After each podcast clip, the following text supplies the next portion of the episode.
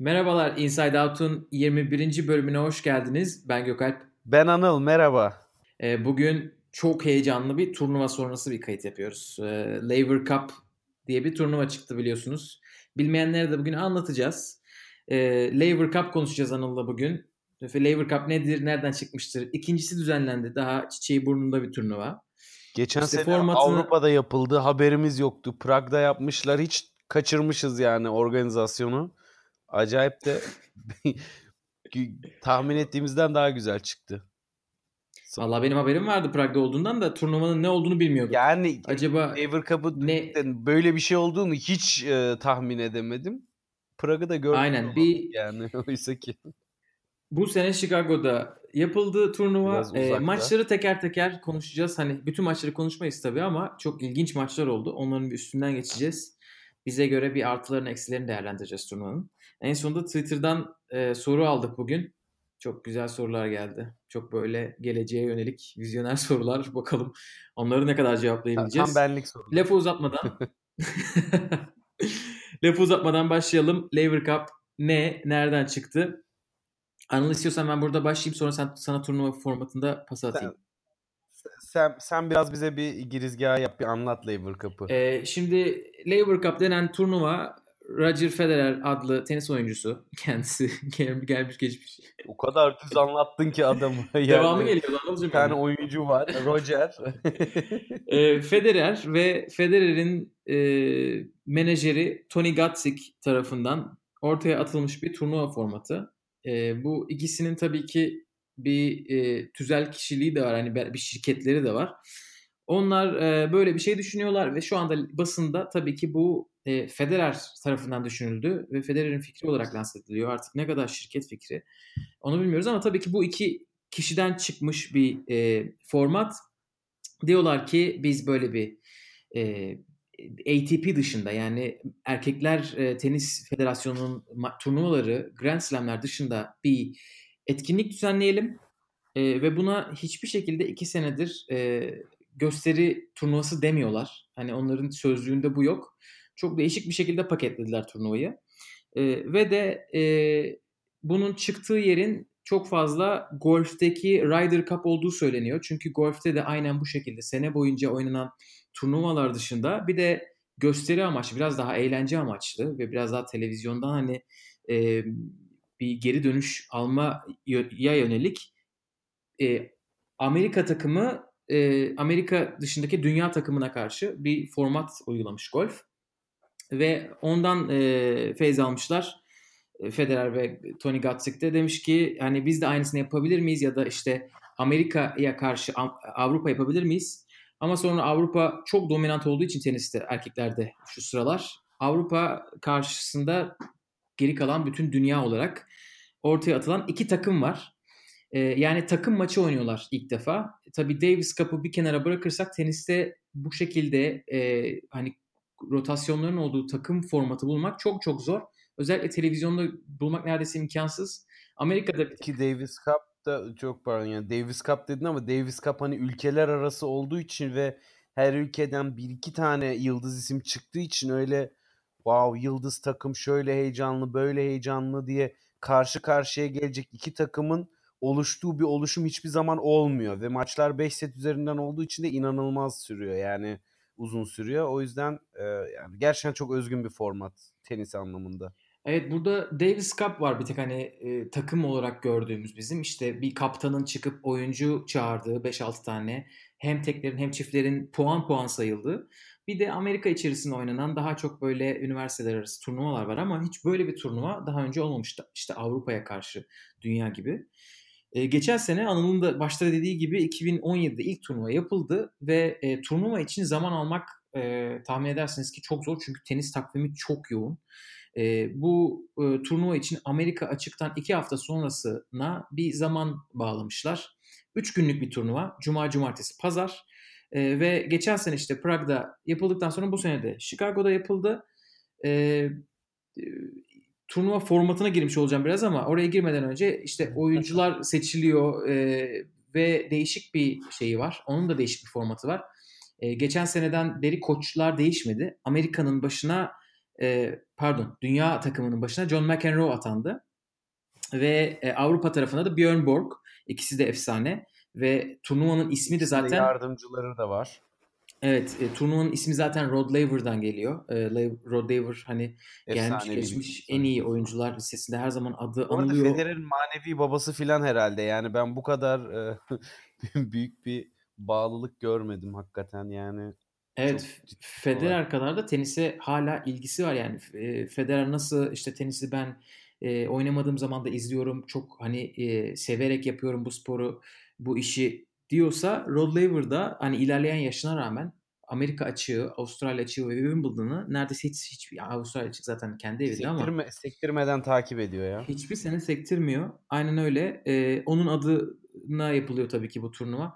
Ee, ve de kaptanlardan önce e, takımlar orası sanırım işin biraz şirket tarafı 3-4 oyuncu seçiyorlar. Ondan sonra kaptanlar da en son takımı birer ikişer oyuncuyla dolduruyorlar.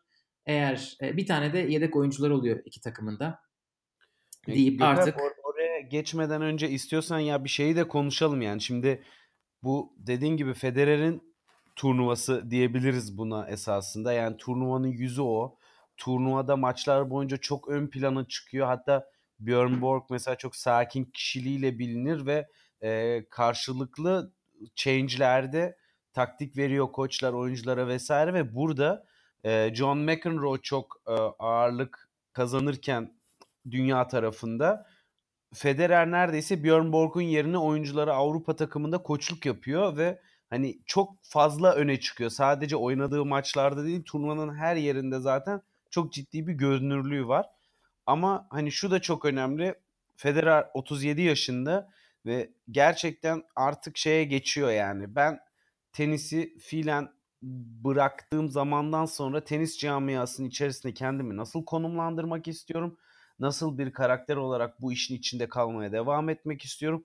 Buna yönelik çok ciddi çalışmalar yapmış belli ve e, Lever Cup bunun turnuva olarak gün yüzüne çıkmış hali. Yani Federer zaten o oluşturduğu karakter ile yani temsil ettiği değerler ile işte bunu zaten sponsor seçimleriyle reklamlarıyla vesaire de görülüyor. Bu turnuvayı da aynen öyle bir konuma e, getirmiş ve bu 360 derece olarak bir tamamlıyor bütün oluşturmak istediği mesajı. Son derece elit bir turnuva. Son derece e, bilet fiyatları da biraz önce gördük beraber çok yüksek 260 dolar bu senenin günlük biletleri ki bu Hani Yok gerçek değil. 3 gün toplamda o dediğim. Ha 3 gün toplam mı? Yani evet. pardon. Ee, ama yani sonuç itibariyle orada yaratmış olduğu ambiyans, görsellik vesaire çok üst düzey bir noktaya taşımış işi ve hı hı. artık yavaş yavaş bırakmaya hazırlanıyor Federer tenisi gibi bir mesaj artık bence bu Lever Cup'ın bu noktaya gelmesi de. Evet bence de Federer'in ileriye dönük bir planı olduğu çok belli. E, hatta Federer büyük ihtimalle bıraktıktan sonra da Laver Cup oynamaya devam eder gibi geliyor bana. En, en kötü antrenör olur. Çift maçlara falan çıkar bir şey yapar yani. Evet ve dediğim gibi de çok işin e, pazarlama işin e, pazarlama tarafıyla çok konuşup böyle boğmak istemedim ama tam bir e, yani marka harikası evet. bir şey yaratmışlar. E, sponsorlar dediğin gibi her yerden bağlanmış ve tabii kendi e, Network'ün networkleriyle yapıyorlar. Kendi ağlarıyla yapıyorlar bunu. Rolex e, kurucu sponsoru. US Open çok ciddi Kupanın. destekçi turnuvaya. Mercedes, Barilla sponsorları e, aynı zamanda e, yani burada US USTA gerçekten Amerika Tenis Federasyonu'nun işin bu kadar içinde olması da e, kupayı çok konuşturuyor. E, onu artık maçları evet. konuşurken de onlara değiniriz. Çok uzatmadan evet. lafı ben sana turnuva formatı için pas atayım. Aynen. Yani turnuva formatı işi acaba bir eğlence turnuvası gibi mi diye düşündürüyor ki o konuya da sonra gireceğiz. Çünkü e, şöyle bir şey var. Yani takımlar oluşuyor. Evet ve bir Avrupa takımı bir de dünya takımı var. Ama bu takımlar seçilirken ilk aşamada tabii ki ATP sıralamaları e, göz önüne alınıyor ve burada e, oyuncular ATP sıralamalarına göre davet ediliyor. Tabii ki bu ATP turnuvasının dışında bir şey olduğu için burada muhakkak ki katılımcı bedelleri vesaire o tarz şeyler de oluyor ve mesela Dominic Thiem burada sıralama içerisinde olmasına rağmen katılmadı turnuvaya. Onun yerine ATP turnuvasına katıldı e, St. Petersburg'da ve kazandı. Değil mi yanlış hatırlamıyorsam? Ve e, Doğru. puanlama sistemi var. Maçlar 3 gün oynanıyor.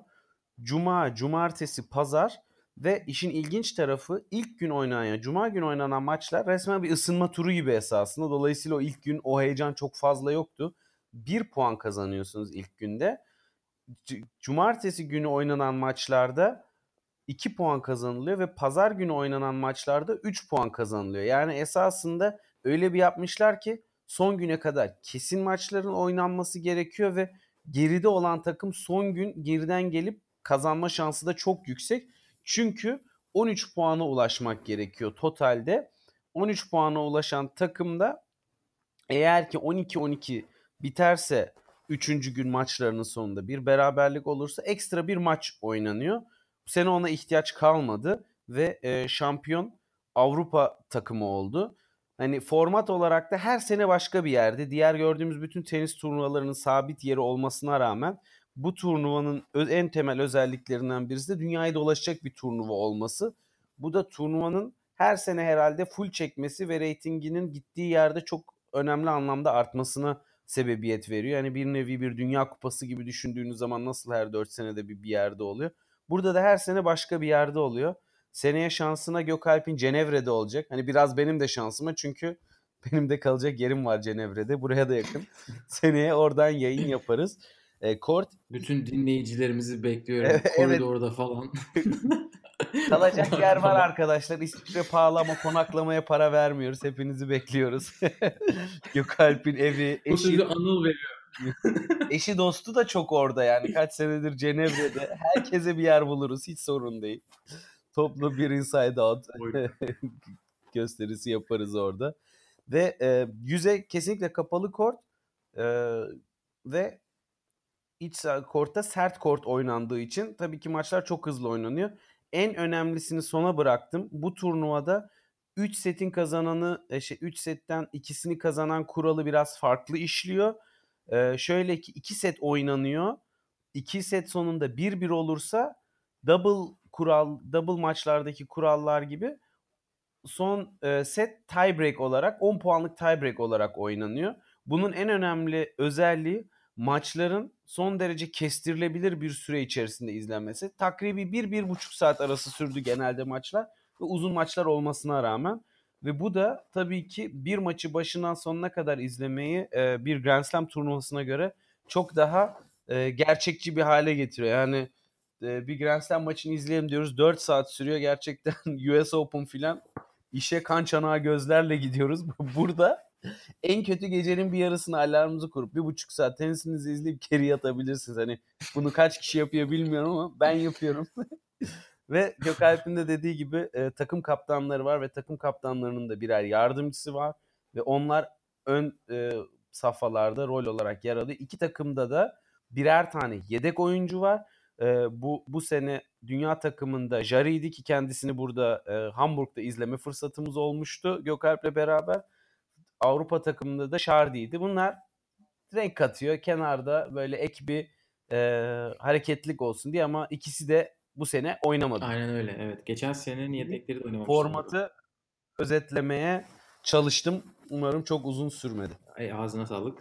Ee, şimdi maçları konuşacağız ama maçları konuşurken nelerin neler nelere değineceğiz bir onu da e, bir bahsedeyim önden.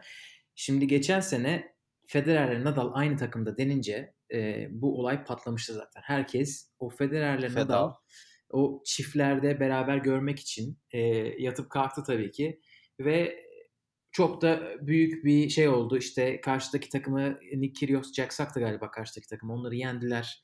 Ondan sonra Federer son maça kaldı. Çok dramatikti. Son maça kadar kimin Avrupa'nın kazanacağı belli değildi. Kazandığı Nadal onun kucağına atladı falan filan böyle pozlar verdiler.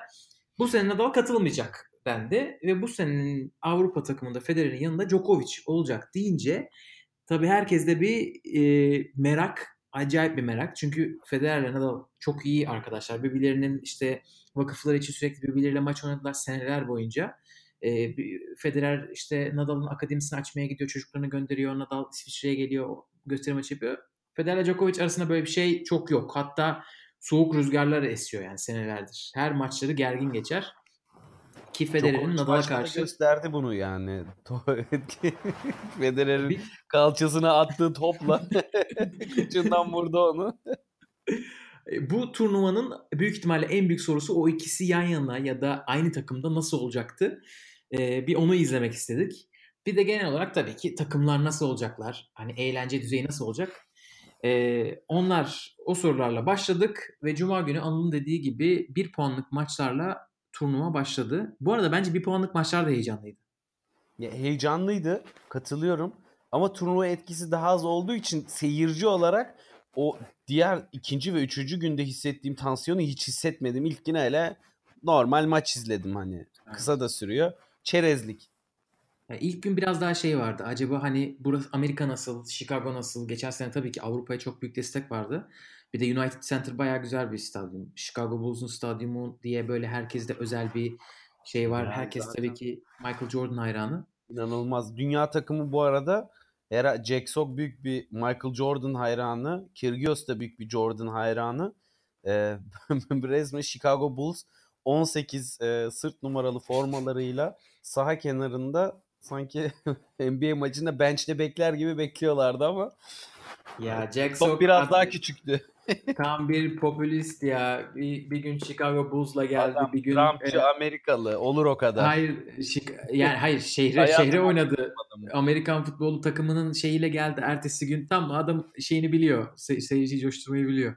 Isner çok büyük Amerikan futbolu hayranı bildiğim kadarıyla. Evet, Jack iyi takip.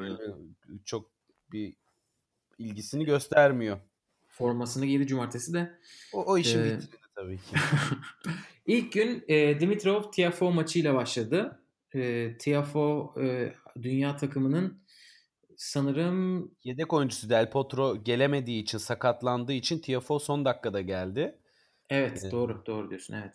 5 dakikada Beşiktaş yaptı Dimitrov. Hızlıca bitirdi maçı. Ondan sonra Kyle Edmund Jack Sock maçı bayağı güzeldi bence. Çok güzel geçti. Kyle Edmund'u ben de çok beğendim. Ee, zaten turnuvaya herhalde sözleşme imzalamışlar. Tiebreak oynamayanı dövüyorlar. Yani böyle bütün maçlar setler bir bir bitti neredeyse. İki maç haricinde evet. şimdi bakıyorum. Üç maç evet, haricinde. Dimitro Tiafo dediğin gibi biraz çok bitti ama Kyle Edmund Jack Sock e, o kadar çok çabuk bitmedi. Hatta 6-4 7-5'lik iki set bir bir biri Edmund'a gitti. ikincisi Jack Sock'a. Burada tabii akıllıca olan bir şey de var. Kyle Edmund yani bu sene e, çıkmış işte sıralamada yükselmiş bir kişi kendisi. Ama kaptanın seçimi olarak geldi buraya. Tabii yani İngiltere pazarını bu e, hani turnuvaya dahil etmek o da biraz pazarlama dehası diyebiliriz ama Kyle Edmund bence şey yapmadı. Ben onu biraz daha şey bekliyordum. Sıkıcı bekliyordum. Hani yan tarafta bench'te karakter olarak da bayağı her Yo, maçın içinde de oynamadı. Çok çok yani renk kattı.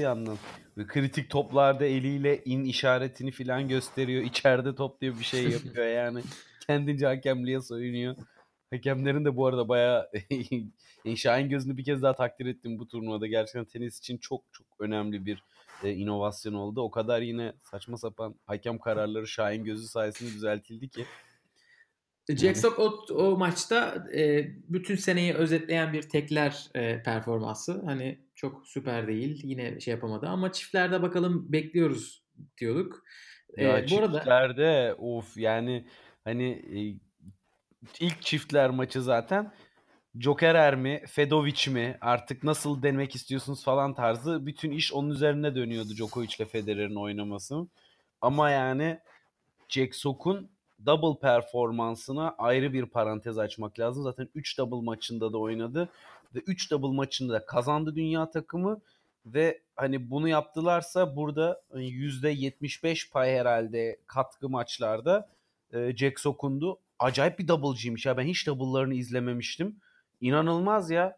Ve hani kattığı enerjiyle, kritik sayılardaki soğukkanlılığı ve istikrarıyla alıyor yanına bir tane servisçi.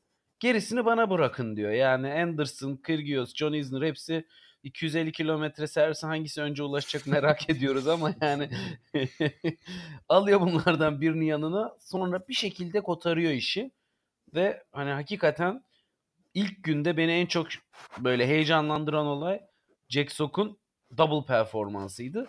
Ve hani bu konuya girmişken şunu da söylemem gerekiyor. Bu turnuvanın formatından dolayı da oyuncuların da yani double oynayan oyuncuların da single'larda üst düzey oyuncular olması double maçlarını acayip bir keyif ve seyir zevki yüksek, reytingi yüksek bir olay haline getirdi. Ya yani ben double maçlarından inanılmaz keyif aldım. Evet evet çok güzel maçlardı bence de. Ee, çiftler maçları. O gün Federer'le Djokovic çok bekliyorduk tabii. Geçen sene Federer Nadal maçını son güne koymuştu turnuva. Ee, bu sefer ilk güne koyunca şaşırdım ben biraz. E, o, o maçtan önce çiftler maçından önce David Goffin ile Diego Schwartzman oynadılar. Çok özür ben bu maçı Senin kaçırdığım için e, bayağı üzüldüm. Schwartzman iki tane en sevdiğin oyuncu. Bunları evet, lazım. evet Schwartzman hani kortta ne kadar seviyorsam gerçekten kort dışında da her tavrıyla o İngilizce Efendim, konuşmayan tek insan olarak orada yani çünkü Nicolas yani Nicolas Haren'in hiçbir kelime etmediği bir takımda ki ikisi de yani İspanyolca konuşuyorlar. Ee, orada nasıl geçindi helal olsun. Ee, çatpat İngiliz yani İngilizcesi bu arada iyi mi bilmiyorum çünkü hiç konuşmadığı için duymuyoruz ama. My Twin Brother dedi yani en azından John evet. Isner'a. ki yani Aynen kendilerini öyle. izlememiş olan varsa aranızda Diego Schwartzman turnuvanın en kısa boylu adamı 1.70. Hani bir tenisçi o seviyede 1.70 boyla nasıl tenis oynuyor? Bu zaten ATP belki turunun en kısası olması lazım zaten. Evet. Yani, evet pardon. Ya turnuva derken turun en kısası demek istedim zaten. Ee, yani bu ayrı bir bilimsel bir çalışma olması lazım. Çünkü fizik kurallarına aykırı derecede iyi oynuyor tenisi o boyuna rağmen. Yanındaki John Isner da yanlış bilmiyorsam 2.07 falan boyunda olması lazım. Yani bu yüzden onu çok seviyorlar birbirlerini ve çok çok iyi anlaşıyorlar. Yani kort dışında çok iyi arkadaşlar. o yüzden yani onu ikisinin diğerini nitelemesi tamamen iç güzellikten kaynaklanıyor. Fiziksel herhangi bir ikizlik söz konusu değil. Aynen öyle. Ee, bu arada ilk gün artık 3 maç geçti. Üçünü de Avrupa kazandı. Artık şeyleri görmeye başladık biraz. Hani benchler nasıl hareket ediyor? E bizim hiçbir turnuvada, hiçbir maçta görmediğimiz şeyler oluyor tabii ki bu turnuvada. Yan tarafta bir John Isner. Şimdi baktım. Aynen aralarında 45 santim varmış. ee, bizim hiç görmediğimiz şeyler olduğu için bunlar ee, bu arada yanlış mı hesapladım diye aklıma takıldı. 55 santim mi var? 1.70 2.08 48 santim. Neyse mühim değil boş ver. Canı sağ olsun. Çok önemli bunlar. İki tane üst üste koyunca ancak. Neyse. Orada görmeye başladık. İlk günde o ruh çıktı ortaya. E, ha, kimin e, yan tarafı daha çok destek veriyor, daha böyle eğlenceli reaksiyonlar veriyor falan filan. Orada Diego Schwartzman'ın David Goffin'e karşı aldığı bir voley sayısı var tiebreak'te. On, onunla beraber yani böyle Kyrgios neredeyse servis çizgisine kadar koştu. Kyrgios sahaya giriyor evet. ya. Yani saha içinde bu kadar hızlıca maçtan kopup boş veren adam tribünde baş amigo olabilir yani 90 dakika susmayarak. Aynen öyle. Ondan sonra geldik günün maçına yani günün maçı çiftler maçı. Çiftler maçı olması tabi, sebebi tabii ki Djokovic ile Federer beraber oynadılar. İzleyebildin mi Anıl maçı? Maçı kısa bir kısmını görebildim. Çünkü geç saatte olduğu için biraz zordu. Yakalayamadım. Alarm kurmuştum. Maç hızlı başlamış. Çok ilginç bir maçtı ya. Çok heyecanlı yani, bir maç oldu. Evet ilk sette özellikle yani zaten iki set boyunca Kevin Anderson'la Jack Sock dediğin gibi Kevin Anderson mükemmel servis kullanıyor zaten de hani daha fazlasını da gördük. Servislerini kaybetmediler. İlk sette Djokovic ile Federer de kaybetmedi. Ee, işte Djokovic'in her ne kadar Federer'in üstüne vurduğu forentler olsa da. Üstüne demeyelim. Kıçına vurdu. kıçına kıçına hedef aldığı forentler olsa da e, güzel şey yaptılar yani kotardılar. Çünkü karşı tarafta Jack Sock var. Dünya iki numarası çiftlerde. Evet. Mike Bryan'ın hemen altında. E, şey ama şeyi çok rahat gör, görüyordun hani izlerken. Kevin Anderson'a Jack Sock tabii ki Djokovic oynadılar. Bütün maç boyunca diyebiliriz. E, Federer filede ise Djokovic'in üstüne gittiler. Djokovic filede ise Djokovic'in üstüne gittiler. o şekilde e, maçı da 7-6 ilk seti kaybetmelerine rağmen Süper Tiebreak'e taşıdılar. Ondan sonra e, bu arada Jack Sock diyoruz ama o maçta Kevin Anderson'ın sayesinde aldıkları iki oyun var ikinci sette. Onun sayesinde geri döndüler. Kevin Anderson da yani gerçekten kendini en çok geliştiren tenisçilerden biri herhalde son senelerde. Yani kaç? O da 32 yaşında kortunda sanırım değil mi Kevin Anderson? 31 ya 32 olması lazım yanlış bilmiyorsam. E, Nadal'la eşitler evet 32 Yani bu yaştan sonra ortaya çıkmış bir isim olması John Isner'la beraber e, sadece bugüne kadar servisiyle gelip hiçbir return performansı olmayan sinir bozucu maçlar izleten iki tenisçi olarak son iki senede ikisi de return oyunlarını çok geliştirdiler ve ortaya kaliteli maçlar çıkarabiliyorlar ve hani en önemlisi servis yani sıkıştıkları zaman arka arkaya 3-4 tane çizgiye ace servisi atabiliyorlar ve hani bu tabii onların için çok çok ciddi bir avantaj oluyor bu yüzden. Aynen. E, o maçı da bu tecrübeyle kazandılar. E, Djokovic ile Federer arasında bu arada çok şey yoktu hani böyle iletişim sorunu diyebileceğimiz yani çünkü Federer son bir senede hiç oynamamış çiftler maçı. Djokovic de minimal sayıda oynamıştır. Ee, hiç çiftler oynamayan insanların bir akşamda çiftler oynaması tabii e, bu kadar olması normal. Yani aynı topa 2-3 defa falan koştular yani bütün maç boyunca. Normalde onun çok daha fazla olmasını beklersin. Ama iyi kotardılar. Eğlenceli bir maçtı. Onun sayesinde dünya takımı ilk sayısını aldı. O gün Cuma günü 3-1 Avrupa Ligi'ne kapandı. Sonra cumartesi gününe geçildi. Tabi cuma akşamı da ö, ö, e, sonraki günün kadroları açıklanıyor. Orada tekler maçlarına artık daha hani yüksek sıralamadaki isimleri koymaya başlıyor iki kaptan da. Dünya tarafı John Isner'ı, Nick Kyrgios'u ve Kevin Anderson'ı koydu. Ee, Avrupa tarafı da Zverev'i John Isner'ın karşısına, Federer'i Kyrgios'un karşısına, Djokovic'i de Anderson'ın karşısına koydu. Ee, çiftlerde de Dimitrov'la Goffin bir takım oldular. Kyrgios'la Jack Sock. Onlar ikisi zaten kanka. Onlar da bir takım oldular. Ee, burada da güzel maçlar oldu. Zverev İzmir Of. maçı bayağı heyecanlıydı. Of, yani tam bir sinir harbiydi. Zverev'i çok takdir ettim.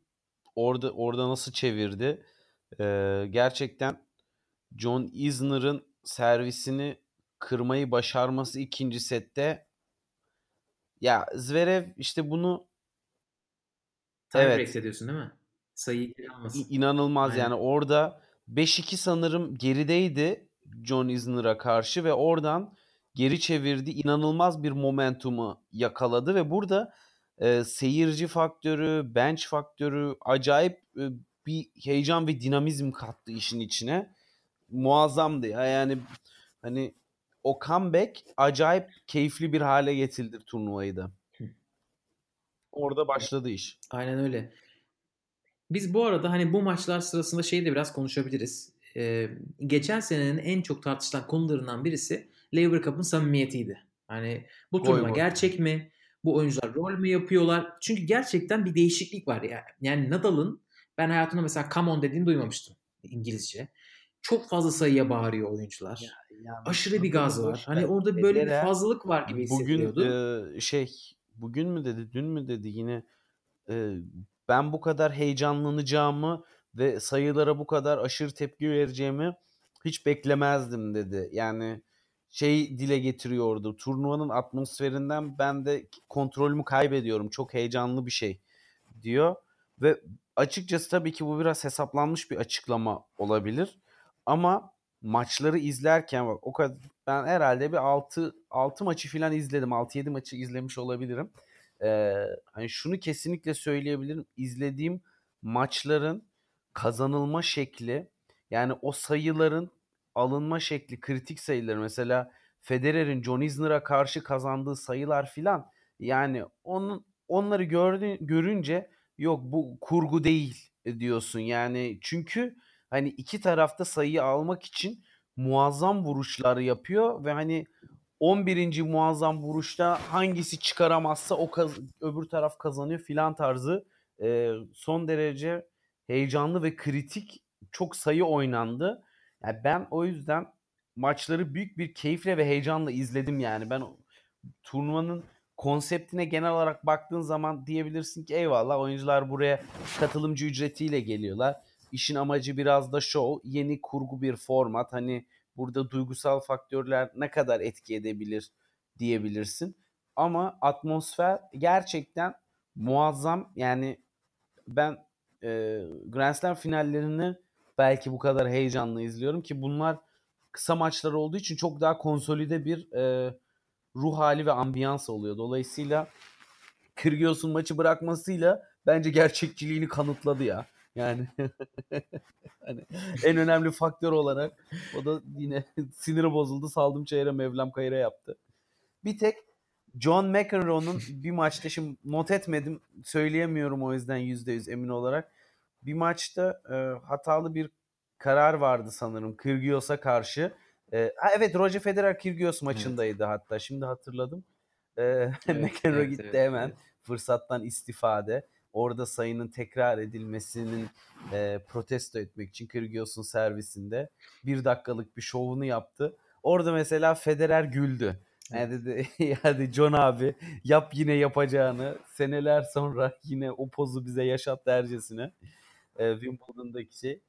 Evet orası gerçekten e, okuma evet. bayramından sonra gelen PS gibiydi. Hani ne gerek var? Zaten oradasın. E, adamlarına taktik de veriyorsun. Ne güzel tam koçsun işte. O atarı Niye bu kadar rol çalmaya çalışıyorsun değil mi? Aynen. E, Ama... You cannot be serious deseydi orada diyecektim yok. Sen gelme seneye. bu rollere gerek yok. Ama Federer'in o anda rahat olmasının sebebi bence onların kurgu olmasından değil. Zaten maç öyle kopmuş. Kyrgios o kadar kopmuş ki. Zaten bütün ipler Federer'in elinde. Yani öyle bir noktada hadi John abicim sen de işini yap da biz de maçımızı bitirelim diye orada gülümseyerek evet. beklemesi gibi yorumladım ben şahsen. Evet bu arada bize bana benim hesabımdan bir soru gelmişti. John McEnroe neden o kadar sinirlendi o pozisyonda diye. Tenis Nokta sağ olsun cevaplamış. Hani orada hakem ilk başta dışarıda diyor. Ondan sonra correction diye bağırıyor. Yanlış e, ya da pardon kule hakemi düzeltiyor. O tarz pozisyonlarda eğer bu arada Federer return'ü kaçırmıştı sanırım. O tarz evet, pozisyonlarda yani. dışarıda diye bağıran hakemin eğer rakibi yani o durumda Federer'i etkileyeceğini, vuruşunu etkilediğini düşünüyorsa hakem tekrar oynatıyor sayıyı. Zaten ama o burada bağırışın geç geldiğini aslında... düşünüyorsa evet. o, o zaman şey yapmıyor. Tekrar oynatmıyor. Sayıyı servis atana veriyor. Orada tekrar oynattı. Federer'in etkilenmiş olabileceğini düşündü. Kyrgios biraz ona çıldırdı McEnroe'da. Hani e, kararın değişmiş olmasına değil tekrar oynatılmasına. Oradan da öyle bir e, heyecan yaşandı ama kısa bir şeydi. E, evet bu sene gerçekten çok heyecanlıydı. Bence geçen seneden daha heyecanlıydı. Onun için geçen seneden daha yani bu sene neredeyse soru işareti yoktu gibi. Fokus e, Federer Nadal e, üzerindeydi ve onların oynayacağı çift maç üzeri, çiftler maçı üzerineydi. Dolayısıyla gerisi çok önemsenmedi açıkçası yani geçen sene. En azından ya benim bence, e, yaşadığım izlenim oydu. Bence e, olay gerçekten daha e, bana biraz daha samimi geldi bu sene çünkü gerçek maçlarına daha yakın tavırlarda bulundu. Yani Federer mesela geçen sene Seviyeler o kadar çok yani yani o, o, oyun kalitesi iyi de baya zorla fiziksel olarak da kendilerini zorladılar. Hayır benim şey söylemeye çalıştığım oyun kalitesinden ziyade Federer geçen sene bir oyunda 2-3 defa bağırabiliyordu mesela. Hmm. Bu sene öyle değil. Bu sene gerçekten böyle break puanlarına kadar şey yapıp e, hele o çok e, kilit maç John Isner maçında yani o match tiebreak'e kadar ki match tiebreak'te bağırması zaten bir sıkıntı vardı artık. Hmm. O kadar heyecanlı bir maçtı. Bence ondan dolayı da bu sene biraz daha tescilledi. Ben bu arada geçen sene şey de görmedim. Çok fazla o, herhangi bir oyuncunun çıkıp bu tarz bir e, hani yoruma cevap verdiğini. Bu sene Kevin Anderson'ın eşi bir tweet attı. Hani bunun kurgu olduğunu ima etmek işte burada oyun, oynayan oyunculara işte bu işte efsaneye saygısızlık falan filan diye. Öyle bir şey görünce de insan diyor tamam yani bu tarz insanlar ki hani bunlar iyi insanlar olarak biliniyorlar işte Anderson'lar falan filan. Bunlar böyle şey yapınca tavır koyunca diyorsun evet. E, Djokovic bu arada çok şey değildi yani çok hani gereğinden fazla hareket etmedi mesela. O gerginlik neyse yansıttılar Federer'le aralarında. Onu da, orada da şey görüyorsun. Ee, hani maçlar gerçekten full e, şeyle oynandı. Yani enerjiyle oynandı. Ama bir şeyler var tabii ki yani. Bu ATP turnuvası değil başka bir turnuva. Ee, puan yok işin ucunda bir kere yani. Evet parayla puan geliyorlar yok. puan yok. Ee, kazandıkları tek şey prestij, eğlence için geliyorlar. Hani burada tabii ki bazı başka kurallar var işin içinde. Ee, ama o kurallar olduğu ama işin kurgu olduğu işte, anlamına gelmiyor. Kilit nokta orada. Turnuva öyle bir yere konumlandı ki bu turnuvayı kazanmanın Grand Slam'leri kazanmanın önemi prestij, turnuvanın büyüklüğü ve puan. Şimdi diğer turnuvalar, Masters'lar filan o derece kritik olmuyor o yüzden. Yani oyuncuların çıktığı seviye de aslında her zaman dediğimiz gibi Roland Garros'a biraz da hazırlık ve tedbirli oynanan seviyeler oluyor. Şimdi Lever Cup kısa olduğu için maç olarak da e, maçlar 1-1,5 saat olduğu için fiziksel olarak çok yıpranmıyor oyuncular ve dolayısıyla çok tedbirli oynamak zorunda kalmıyorlar ve sonuna kadar full gaz gidebiliyorlar performans olarak. Ve bu da oyun kalitesini yukarıya çektiği gibi zamanla turnuvanın konumlandırmasıyla yükselen prestijle de e, oyuncuların burada gerçekten turnuvanın özelinde bir hırsla oynamasına da sebebiyet veriyor. Yani evet bence hani şey yapmamak lazım. Grand Slam'lere hani böyle karşılaştırmamak gerekiyor. Çünkü burada Lever Cup için bence işin ucunda iki tane şey var. Biri eğlence, biri para. bunlar para için geliyorlar tabii ki. ama bir eğlenmek de istiyorlar. Büyük bir şeyin olduğunu görüp hani onun parçası olmak ister büyük ihtimalle insan. Ama bütün bu oyuncular sıralamasına göre o oranda bir katılım bedeli alıyorlar. Açıklanmıyor bu bedeller. Ve kazanan e, takımın oyuncuları da kişi başı 250 bin dolar kazanıyor. Hani bunlar 250 bin dolar tabii Novak Djokovic için çok, çok yüksek bir para değil. Yani. 3 milyon dolar kazanıp geldi şu anda Amerika açığı kazandığı için ama e, işin biraz daha eğlence ve hani ben de o etkinliğin bir parçasıydım. Bir de bugün şimdi basın toplantısında da dünkü basın toplantısında da bir sürü oyuncunun söylediği hani ben bu diğer oyuncularla be- beraber olmaktan hani çok keyif aldım. Tabii Federer, Djokovic, Zverev'le aynı takımda işte Zverev'i işte, abartmayayım da hani daha genç o tabii ki. Ama işte öbür tarafta e, onlar birbirlerinden hani öğreniyorlar. Özellikle Federer tarafında işin bir efsaneliği var. Djokovic de öyle. Federer ee, koç, koç, konusunda geliştirmeye çalışıyor resmen bu turnuvada kendini yani. Her oyuncuyu mental olarak özellikle Zverev'in çok üstüne titriyor ya. Yani yapı olarak, oyun stili olarak hiç benzemeseler de Zverev'i e, bir numara görmeyi çok istiyor Federer gibi hissediyorum ben yani. Bence o takımın ufağı olduğu için de olabilir. Yok, o takımın en genci Turnuva dışında da hep yani en başından beri ta 17 yaşındayken Zverev diyordu. Bence vücudu oynay oynayabileceği tenis potansiyeline eriştiği zaman tutulamayacak bir adam olacak diyordu. Hani 17 yaşında çok çelimsizdi vesaire ve o zamandan beri de Zverev'i destekliyor diye biliyorum ben. Ama tabii ki mental evet, olarak evet. pek destek sağlayamamış bugüne kadar ki her 5 setlik turnuvalarda kafa dayanmıyor maalesef. deyip e, biraz başka konuları konuştuk. İkinci güne tekrar geri dönelim. E, Federer Kyrgios'u inanılmaz bir performansla yendi. Kyrgios gerçi çok iyi oynamadı ama Federer hatasız oynadı. Çok net oynadı. O, o akşam cumartesi günü. Çok net oynadı ama yani önemli olan da şu her zaman dediğim gibi güzel oyun görünen oyunun bir sebebi de karşı tarafın performansıdır. Yani ne kadar e, fırsat gelirse değerlendirdiğiniz fırsatlar sonucunda o kadar da mükemmel oynuyor görürsünüz. Yani Kyrgios maça başladı. Fena da başlamadı ama benim gözlemlediğim kadarıyla yine boş verdi bir yerden sonra ve hani yani Kyrgios'un bu arada boş vermesi, vuruşları yapmaması, çok return yapmaması vesaire değil tam gaz oynaması o yani. Bütün topları hızlı vuruyor ve bütün topları sert karşılıyor. Çok taktik e, düşünerek oynamıyor ve bunun sonucunda tabii ki Federer gibi e, karşı tarafın mental seviyesini ölçüp biçip onu son derece iyi kullanılabilen biri bunların hepsini tabii ki acımasızca değerlendirip maçı hızlıca bitirip durumu 7-1'e getirdi. Ve sonrasında Evet 7-1. Bayağı fark attılar. Sonra servis master hani Anderson geldi. Ve Aynen Anderson orada Djokovic'ten bir Wimbledon final e, rövanşını aldı. E, bu arada o maç da çok yakın. Ya maçların işte hepsi çok yakın geçti Anderson yani. aldı. Yakın geçmeyen maç evet, yok. O maçta şeyi gördük biraz. E, Djokovic'in işte sandalye molası sırasında Federer'in arkadan gelip bir şeyler söylediğini. Orada mesela şey hissediyorsun. Tamam Federer bunu hani sırf onu yapmış olmak için yapıyor olabilir. Ama olsun. Hani biz ona da para veririz noktasındaydık. Çünkü Federer Djokovic'in arasında gerçekten nasıl bir diyalog olacak Buzlar merakla bekliyorduk. Federer orada bir şey... Ki bak Aynen şu öyle. da çok Federer şey önemli. Djokovic sakatlıktan sonraki döneminde karakter olarak çok olumlu yönde gelişimler gösterdi. Bence bu bu süre içerisinde e, turdaki oyuncularla olan iletişiminde de farklı noktalara geldiğini düşünüyorum ben. Çünkü önceden Djokovic'e yönelik yani Federer çok e, insanları eleştirmez. Djokovic'e karşı herhalde e, en sert eleştirdiği insanlardan biri Djokovic'ti ben yanlış bilmiyorsam değil mi? Federer. Bence bu arada Djokovic döndükten sonra biz ona daha çok ısındık. Biraz daha o böyle e, favori olmadığı için ben bir de çok maç kaybetti bu sene. Çekkinatoları falan yenildi ya. Bence ondan sonra biz böyle bir şey yaptık. Bana öyle geliyor. Djokovic çünkü çok farklı değil aslında. Diğer oyunculara karşı da. Hele benim zaten Djokovic en sevdiğim zamanlar o milletin taklidini yaptığı zamanlarda 2000'lerin sonunda. Evet. Ama dediğin gibi biraz daha şu anda sempatik konumda e, tur, tur içerisinde de ve Federer ile Djokovic arası dediğin gibi bayağı soğuk rüzgarlar.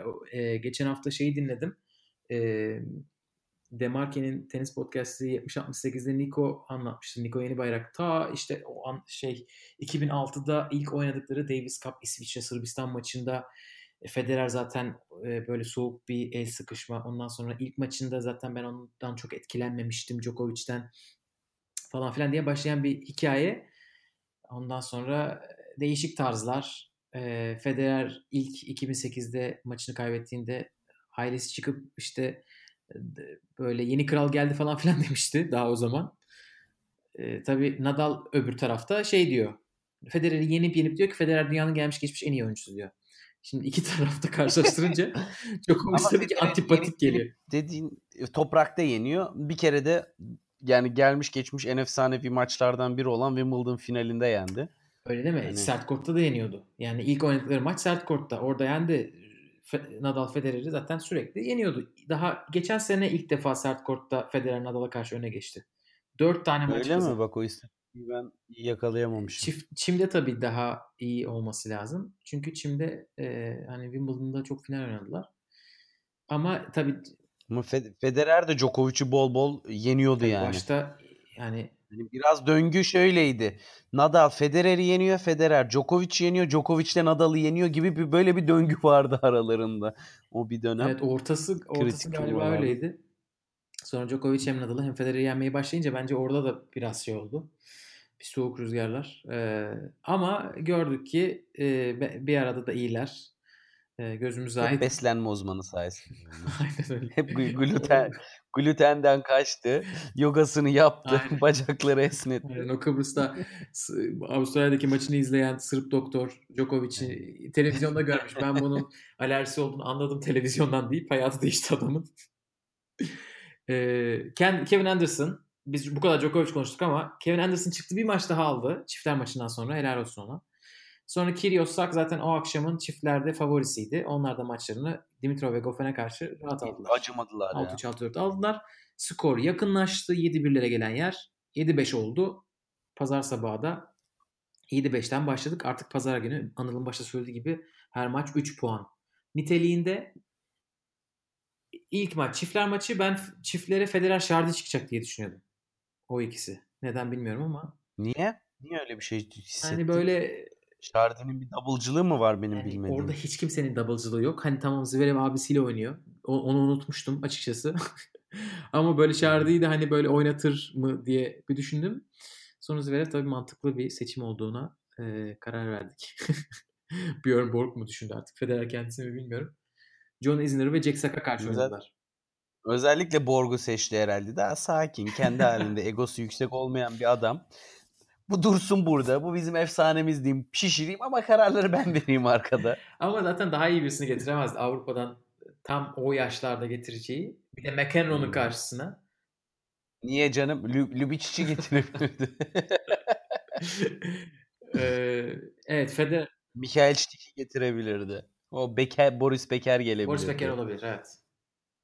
Boris Becker, e, Stefan Edberg, Mats Wilander belki o, o tarz o zamanlar ee, Ivan Lendl o yani, say say Ama bitmez. Björn Borg bambaşka bir yerde tabii ki bunlara kıyasla. Bir de Björn Borg onların bir üst jenerasyonu. Ee, ama işte e, Federer Zverev o ilk günkü çiftler maçın çok yakın. Hani bir puanla kaybettiler. 11'e 9 süper tiebreak'te.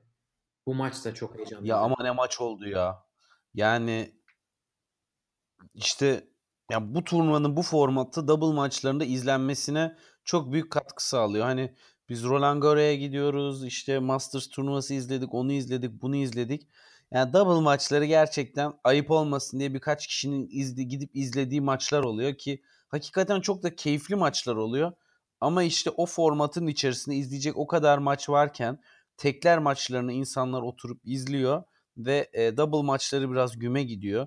Az gün, az maç olunca ve e, oynayan isimlerde bu kadar e, marka değeri yüksek, seviyesi çok yüksek oyuncular olunca ya acayip keyifli oldu ya. Yani e, ben yani Jack Sock'u izlemekten bu kadar keyif alacağımı hiç düşünmemiştim. Yani hani özellikle pek de maçlarını izlemeyi tercih etmem. Ne Isner'ın ne Jack Sock'un. Bu arada Şu, benim söyleyeyim. fark ettiğim genel kanı o yönde. İnsanlar genelde Jack Sock'u antipatik buluyorlar, sevmiyorlar. Ama buradaki çiftler performansından dolayı e, hani evet gerçekten izlenebilir. E, neredeyse seveceğim noktasındalar. E, Jack Sock 3 maçında, 3 çiftler maçında kazandı. Bir de inanılmaz kendinden geçti sayılarda ya. Evet. Yani böyle öyle bir kazandıkları sayılarda özellikle filede voleyde aldığı sayılarda Isner servis atarken ya, ya çıldırdı yani ve inanılmaz bir atmosfer. Tabii ki Chicago'da oynanıyor. İki Amerikalı aynı anda korta dünyanın gelmiş geçmiş en büyük efsanesine karşı yani Amerikalılar açısından e, iyice ayrı bir atmosfer. Hani biz burada kel alaka insanlar olarak izliyoruz. Onlar orada iyice coşuyorlar. Ve bu da tabii ki Amerikan show business'ının heyecanını çok daha üst bir seviyeye çıkarmasını sağladı maçların. Aynen öyle. Ondan sonra geldik Federer-Isner maçına. Bu maça turnuvanın maçı diyorum. Katılıyor musun? Katılıyorum. Şundan katılıyorum. Isner e, Gülmekten katılamayacak şimdi. hayır. ya yapma yapma.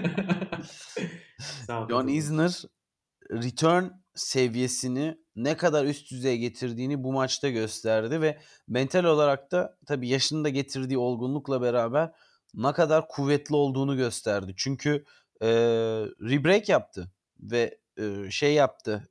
Bir yani hiç unutmayın maçın sonuna doğru süper tiebreak dedi sanırım. Bir backhand return'ü vardı e, Federer'in servisine karşı. Dedim tamam. Yani bu adamın oyun stilini bugüne kadar hiç sevmedim. Marcel İlhan'a karşı elde etmiş olduğu galibiyetten bu yana kendisini hep e, tepkiyle izledim. Ama yani bu yaşından sonra böyle bir aşama kaydetmiş olması ne kadar disiplinli çalıştığını ve kendine ne kadar yatırım yaptığını gösteriyor. Çok takdir ettim. Ve Federer'de yani John Isner ne kadar seviyeyi yükselttiyse onun da üstüne çıktı ve çok net bir şekilde çıktı. Ee, ve acayip keyifli bir maç izlettiler bize. İnanılmaz güzel ralliler gördüm bu maçta. Ve Federer'in çevik bir şekilde filedeki drop shotlara yetişip çok daha iyi drop shotlarla karşı tarafa topu geçirip Isner'ın ona da yetişip topu atması vesaire yani böyle acayip ralliler izledik. O yüzden benim de anlatımdan anlayacağın üzere katılıyorum dediğine. Kendinden geçti sayın seyirciler.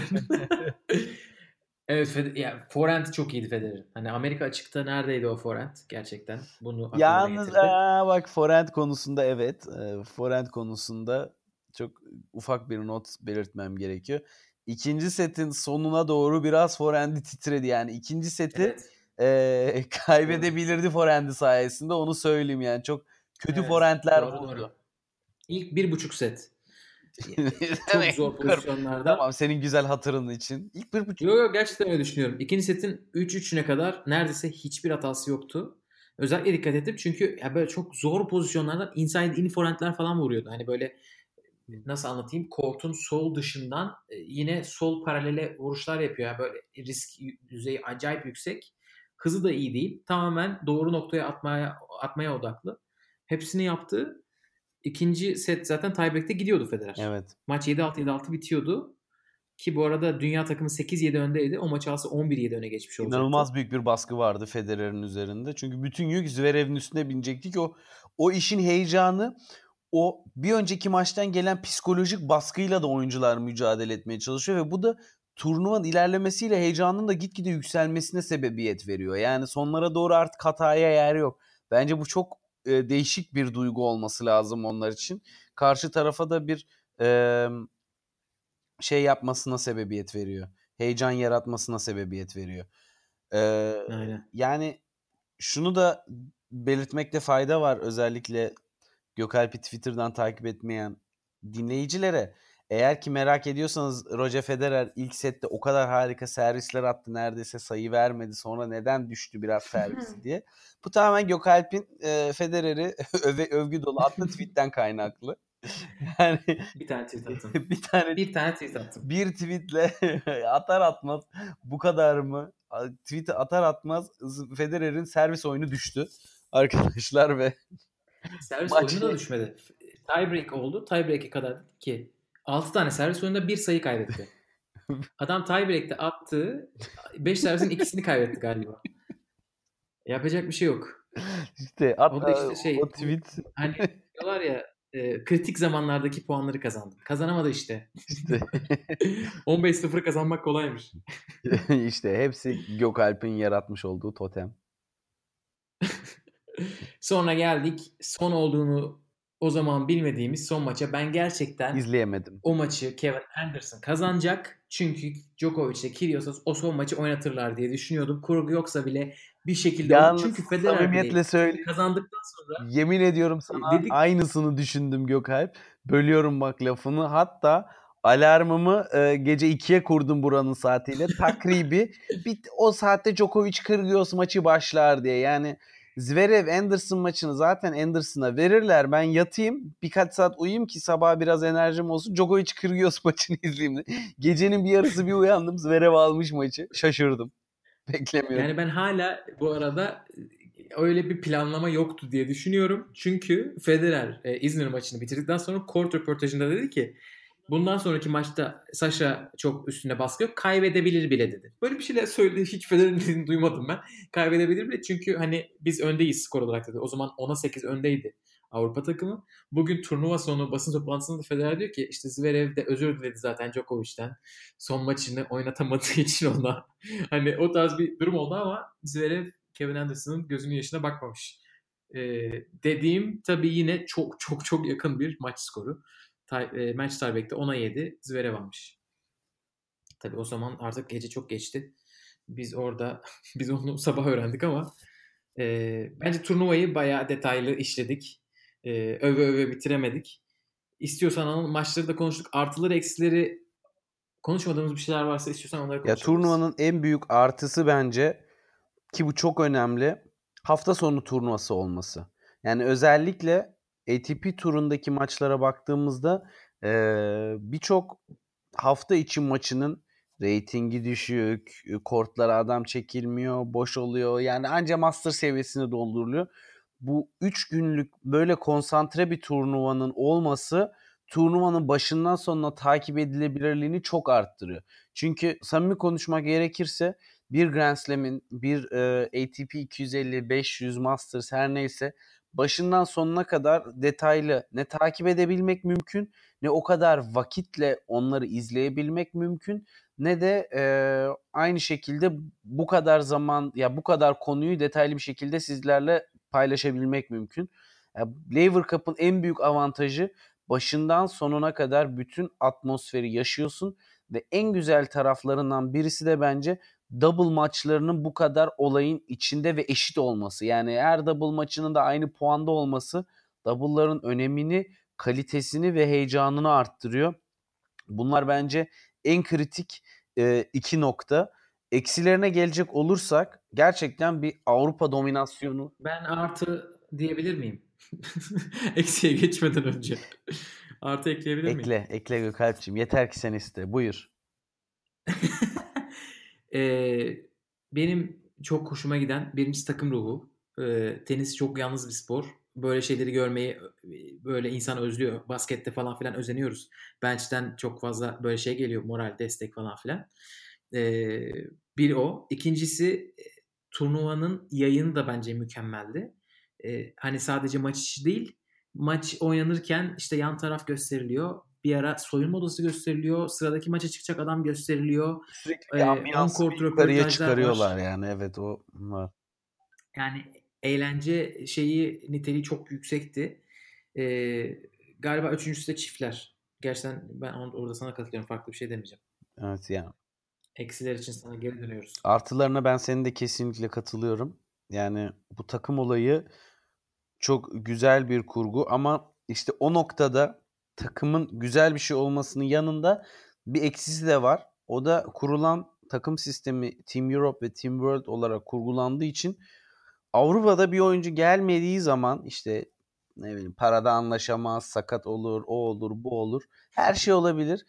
Veya Dominic Team gibi ille de ATP'de ilginç turnuvalarda kupa kaldıracağım diye böyle ilk sert kort turnuvamı kaldıracağım diye hedef yapabilir. Ee, hı hı. Ama Team World'deki e, seviyesi yüksek oyuncuların sayısı sınırlı olduğu için maksimum katılım turnuva heyecanı için inanılmaz önemli. Yani tekler maçlarını zaten dünyada dünya takımında bir tek Johnny şey Kevin Anderson kazandı. Geri kalanların hepsini Team Europe kazandı. Turnuvanın heyecanlı olmasının temel sebebi double maçlarında e, Team World'un tamamen domine etmesi. Yoksa ikinci günden neredeyse bitecek maçlar. Ee, ve bu yüzden bir Kei Nishikori, bir Del Potro turnuvada olmadığı zaman e, seviye birden maalesef düşük. Kyrgios yani renkli oyuncu, heyecanlı oyuncu, rating yüksek oyuncu ama 24 numara Gökalp. Yani bu, bu e, TFO genç oyuncu, heyecan uyandıran gelecek için potansiyeli olan özellikle US Open'da gelecek sene bir şeyler yapabilecek olan bir oyuncu. Ama e, şimdi Dimitrov gibi turnuvada çok da ön plana çıkmamış bir isim olsa da çat çat kaybediyor. E şimdi yani bu bence işin en sıkıntılı tarafı. İkincisi e, şu çok kritik bence. Yani böyle bir organizasyonun iyi tarafı her yerleri gezmesi vesaire iken aynı zamanda da e, işin çok bir geleneksellikten gelmemiş ve çok daha commercial bir ağırlıkta olması henüz e, olaya olan yani bizim de tartıştığımız konu hani para takım kurgusunda e, ve seçiminde ne kadar rol oynuyor? Bu, bu bence beni en çok rahatsız eden şeylerden birisi. Yani şimdi son gün maçları kafalarına göre seçip yazıyorlar. Hani bunun arka planında hangi dinamikler var? Neden Federer'le Isner karşı karşıya geldi? Neden Zverev'le Anderson karşı karşıya geldi? Hani bunun e, çok da şansa bağlı olmadığını düşünüyorum ve Yok şansa işte yani e, zaten önce birisi seçiyor, diğeri dolduruyor diye biliyorum yani. Bir gün John McEnroe önce söylüyor, diğer gün Björn Borg önce söylüyor. Yani olabilir. işte bunlar e, genel olarak bence hani işin heyecanını ve clash denk gelmesini böyle tur tur olmamasından dolayı puan puan olmasından dolayı da hangi gün kimin oynayacağı vesaire ve onun karşısında kimin konulacağı çok e, ben ya, o işin o tarafına bence eşleşmeleri biraz daha e, randomize etmeleri güzel olur diye düşünüyorum ben. Bence ben bence öyle olmaması lazım ya. Yani ta kaptanların birbirlerinin seçimlerine göre karşıya bir adam koyması gerekiyor. Hani yoksa senin orada en düşük tekler oyuncunla karşı tarafın en yüksek tekler oyuncusu oynayabilir. Hani bence ne kadar seviyeler yakın olursa maçlar o kadar eğlenceli olacak. Bir de o olacak. seviyeyi sen nasıl belirliyorsun? Yani sonuçta diyebilir ki a Dimitrov'u koydu veya işte ilk gün Federer oynadı diyelim tamam mı? Federer'i bu takımda yenemeyebiliriz. Karşısına yem olarak TFO'yu koyayım der. Onu harcatır. Ama ondan sonra başkasına karşı taktik olarak kuvvetli adamını tutar. Yani ben onu çok yani bence 3 gün 3 gün olduğu için bence e, her 3 günü tekler oynatmak istemiyorlar. Yorulmasın adamlar diye çok fazla. İlk günü hani ısınma da demiştik yani. Oradaki gibi diğer hani takımın alt sıralamalarında olanları oynatıyor tabii ki. 1 puanlıkları almak için. 2 puan 3 puan için iyi adamlarını yormuyor. Ondan sonra ikinci günde artık başlıyor kozlarını koymaya. Ki orada artık cumartesi günü. Orada zaten e, show maçlarının olması lazım. Üçüncü günde zaten o tekrar kombinasyonları değişti. Hani o ilk üç oyuncu tekrar oynadı. Değişen yani bir oyuncu o yüzden hani büyük bir takım kuruyorsun. Dimitrov bir tane tekler maç oynadı. Edmund bir tane tekler maç oynadı. Goffin bir tane tekler maç oynadı. Federer, Zverev ikişer oynadı. Djokovic'le uzasaydı o da üçüncüyü oynayacaktı. Hani yani esasında öyle yani diğer oyuncuların işin içine girme oranı çok düşüyor. Bariz bir şekilde oyuncuların oynama zorunluluğu olduğu için bir puanlık maçlarda e, zayıf oyuncuları yem ediyorlar. Mesela TFO ilk gün oynadı. Kaybederse de bir puanlık maçta kaybetsin diye kimseyi yenemez diye düşünülüp oradan gitti. Mesela ilk maçın heyecanı Ama o yüzden bence hiçbir şekilde zaten. yoktu yani. E, Kyle ee, ben iki defa izlemek istemem mesela seyirci olarak orada Zverev, Federer, Djokovic varken. İşte o da işi show kısmına götürüyor. Yani olayı bir turnuva ve heyecandan ziyade seyircilere en heyecanlı e, maçları evet, nasıl izletebiliriz getiriyor. Için bir gün fazladan yani. şey yapıyorlar. Hani iki gün değil de üç gün. Yoksa iki günde de bunu halledebilirler ama e, bence güzel sistem. Yani ve şöyle yapabilirsin o zaman hani koyarsın 3 oyuncu. 3 oyuncu da oynayacak ve e, iki kere oynayacak veya bir kere oynayacak neyse ve hemen hemen herkes birbiriyle oynamış olacak gibi bir durum olacak. Aynen. Hani bilmiyorum yani burada bu eşleşme durumunda kurgusunda biraz daha bence tam içime sinmedi. Ama onun dışında bence muazzam bir organizasyon zaten bahsettiğimiz gibi. Dolayısıyla çok da öyle eksisinin olduğunu ben düşünmüyorum. Sadece işte ATP turunda olmaması ve sıralamaya etki etmemesi oyuncuların performans düzeyi ve oyuncu bulmaktaki e, kolaylığı, zorluğu artık neyse ee, etkiler. Ben eksine senin katılmayacağım. Kesinlikle. bence. bence Eyvallah. bence güzel oyuncu seçtiler. Olabilir. ya benim söyleyeceğim tek eksi vardı. O da Björn Borg'tu. Dedim ki bu adam neden buz gibi? Meden, meğer adam zaten oymuş yani. Hani tamam maçlarında çok belli etmezdi. Yani hiç mi heyecanlanmazsın? Federer orada efsane bir sayı almış. 6-6 yapmış tiebreak'te. Adam alkış yaptı. Hiç ayağa kalkmak falan. yavaş yavaş ayağa kalktı. Ama Borg'un olayı o. Hatta yani McEnroe ile Borg karşılıklı iki zıt karakter olarak zaten çok ön plana çıkmış isimler. Evet. Yani ikisi de aşırı uçlar ve esasında bununla ilgili bir belgesel de var bak izlemeni tavsiye film, ederim. Film, ha, evet, evet. İşte yani anlatıyor o ne de ya Borg neden öyle, McEnroe neden öyle.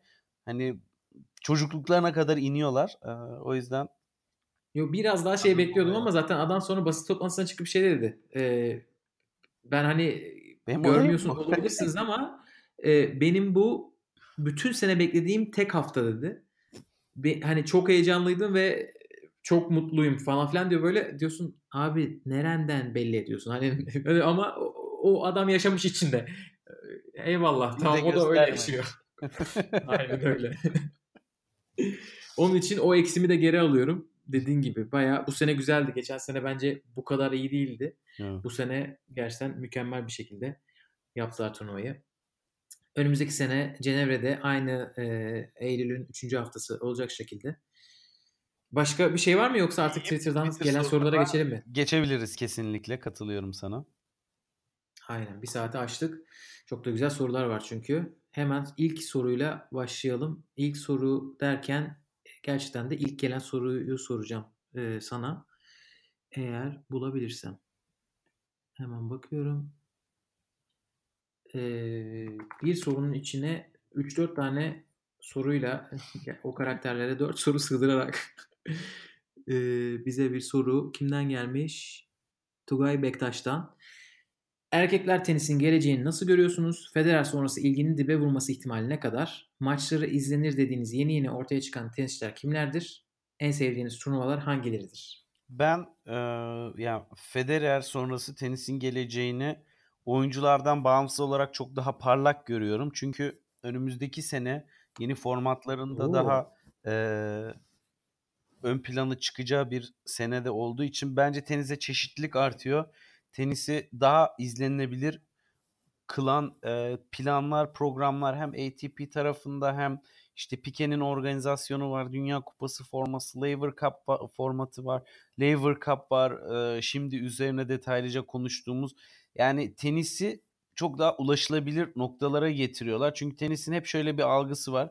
Dört tane Grand Slam zaten özellikle Türkiye'de TRT'de anca geçmişten izlenebilen, Eurosport'ta da izlenebilen. Şimdi Bein Sports sağ olsun çok fazla turnuva gösteriyorlar. Bu güzel bir şey. Ee, ama hani hep algı işte bir Grand Slam'ler var. Onlara zaten hayatta bilet bulunamaz. Bulunsa da çok pahalıdır.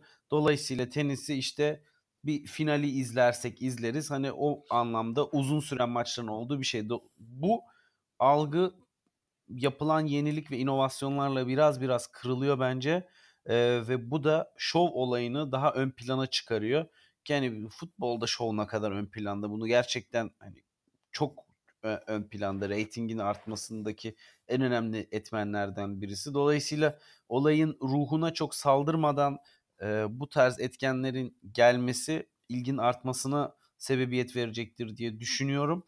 Ayrıca yani tenis bireysel bir spor ve her zaman enler olacak ve yeni yeni efsaneler hep türeyecek. Çünkü özellikle e, yani bu tarz oluşumlarda diğerlerinden ayrışan bir oyuncu efsaneleşmeye gidiyor. Ha bir Federer her zaman gelmez tabii ki. Şu ana kadar en baba gelmiş geçmiş tenisçi onu canlı izlediğimiz için gerçekten çok şanslıyız. Ama nasıl Messi ile Ronaldo futbolu bıraktığı zaman te, futbolun gelirleri artmaya devam edecekse Maradona gitti, Pe, Pele gitti, bıraktılar futbolu. Futbol hep büyüyen bir segment oldu. Endüstriyel bir şey haline geldiği için teniste de böyle olacaktır diye devam ediyorum. Ee, sorunun evet, ilk kısmı biraz oldu. uzun tuttum. Ee, yani izlenebilir tenisçiler olarak yani çok fazla geldi. Bence Next Generation'da çok keyifli oyuncular var. Hem koyduğu karakter olarak ortaya hem de Üç tane isim söylesene. E, hemen hızlıca Şapo, Tsitsipas ve e, Medvedev. Hani bu Zverev'le team'i artık ayırıyorum Next Generation'dan. Yoksa onlar zaten ayrıca üst bir seviyeye çıktılar. Next Generation'dan evet, sonra. Evet kim olduğunu bilmiyorsanız da Anıl'ın söylediği isimler Yunan arkadaş Stefanos Tsitsipas. Gökalp'i engelleyen, Kanadalı Twitter'dan bloklayan arkadaş. Kanadalı Denis Shapovalov. Üçüncü de Daniil Medvedev. Evet, Medvedev mi? Rusya'dan. Medvedev, Geçen sene sorsan Rublev derdim. Bu sene Medvedev'i daha çok beğendim. Ki daha bir sürü isim var. Kaşanov da güzel bir e, seviyeye geliyor yavaş yavaş. Zverev'le team zaten var. En sevdiğim turnuvalara gelecek olursak ben onu da 3 tane, söyleyeyim. Ee, izlediğim turnuvaları sayayım tek tek falan dermiş. ben bir numaraya kesinlikle Wimbledon'ı koyuyorum. Bambaşka bir aurası ve e, heyecanı var. E, ikinci sıraya ise hakikaten bu sene seyahat ettiğimizde çok etkilendiğim için Madrid'i koymak istiyorum. Üçüncüye de e, Avustralya, Avustralya açığı koyuyorum. Avustralya'ya sen koyduğuna göre ben artık sorulara başlayabilirim. ee, ben erkeklerin tenisinin geleceği konusunda biraz daha negatifim. Çok negatif değilim ama çok hani e, pesimist değilim ama e, Federer gittikten sonra bence e, önemli bir kayıp olacak. Hani şey anlamında da e, tenis izleyicisi anlamında da e, turnuvalarda e, bence televizyon izlenirliğinde de düşürme olacak. Ama çok hani bu kısa dönemli olur. Hani tenisin büyük tarihine bakılırsa işte iki senede atlatılacak bir şey gibi düşünüyorum ben. Ondan sonra çünkü şu anda gerçekten iyi oyuncular hem geliyor hem de tenis spor olarak hani e, insanlardan daha büyük olma potansiyeli çok yüksek bir spor. Zaten onun için mesela olimpiyatlarda tenis izlemiyoruz. Çünkü tenisin kendi organizasyonları o kadar büyük ki onlar bize yetiyor. E, ayrıca Nadal'la Djokovic de var. Hani şu anda hala e, çok çok iyi oynuyor. Yani ikisi de içerisinde var bunlarda. Aynen e, ve bence onun için aşamalı bir şey olacak, e, bırakış olacak. Çünkü bunlar böyle bir üçü paketler, çok büyük bir paketlerinde. Murray'i de belki işin içine katabiliriz. Bir günde olmayacağı için bence şey olacak, e, biraz aşamalı olacak. E, Federer sonrası ilgi dibe vurmaz ama bence önemli bir kayıp olacak. Özellikle bazı turnuvalarda olur. E, sonra da toparlar diye düşünüyorum ben. E, maçları izlenir diye ben Anıl'ın söylediklerine katılıyorum. Medvedev'den çok şey bekliyordum bu sene ama o kadar istediğimi yapmadı. Başka ben de başka birilerini söyleyeyim. Ee, Alex Deminor çok ilginç bir fiziği evet. var. Yani o kadar çelimsiz gibi gözükmesine rağmen çok güzel maçlar kazanıyor. TFO'da ee, da oynuyor. potansiyel var. Ee, Kaşanov'da da potansiyel var. Çok genç bir arkadaş var. Kanadalı Felix Auger Aliassime. E, bu çocuk erkenden başladı kazanmaya. Onun için oradan yaşında. bir başarı hikayesi çıkabilir. Ayrıca oyunu da güzel.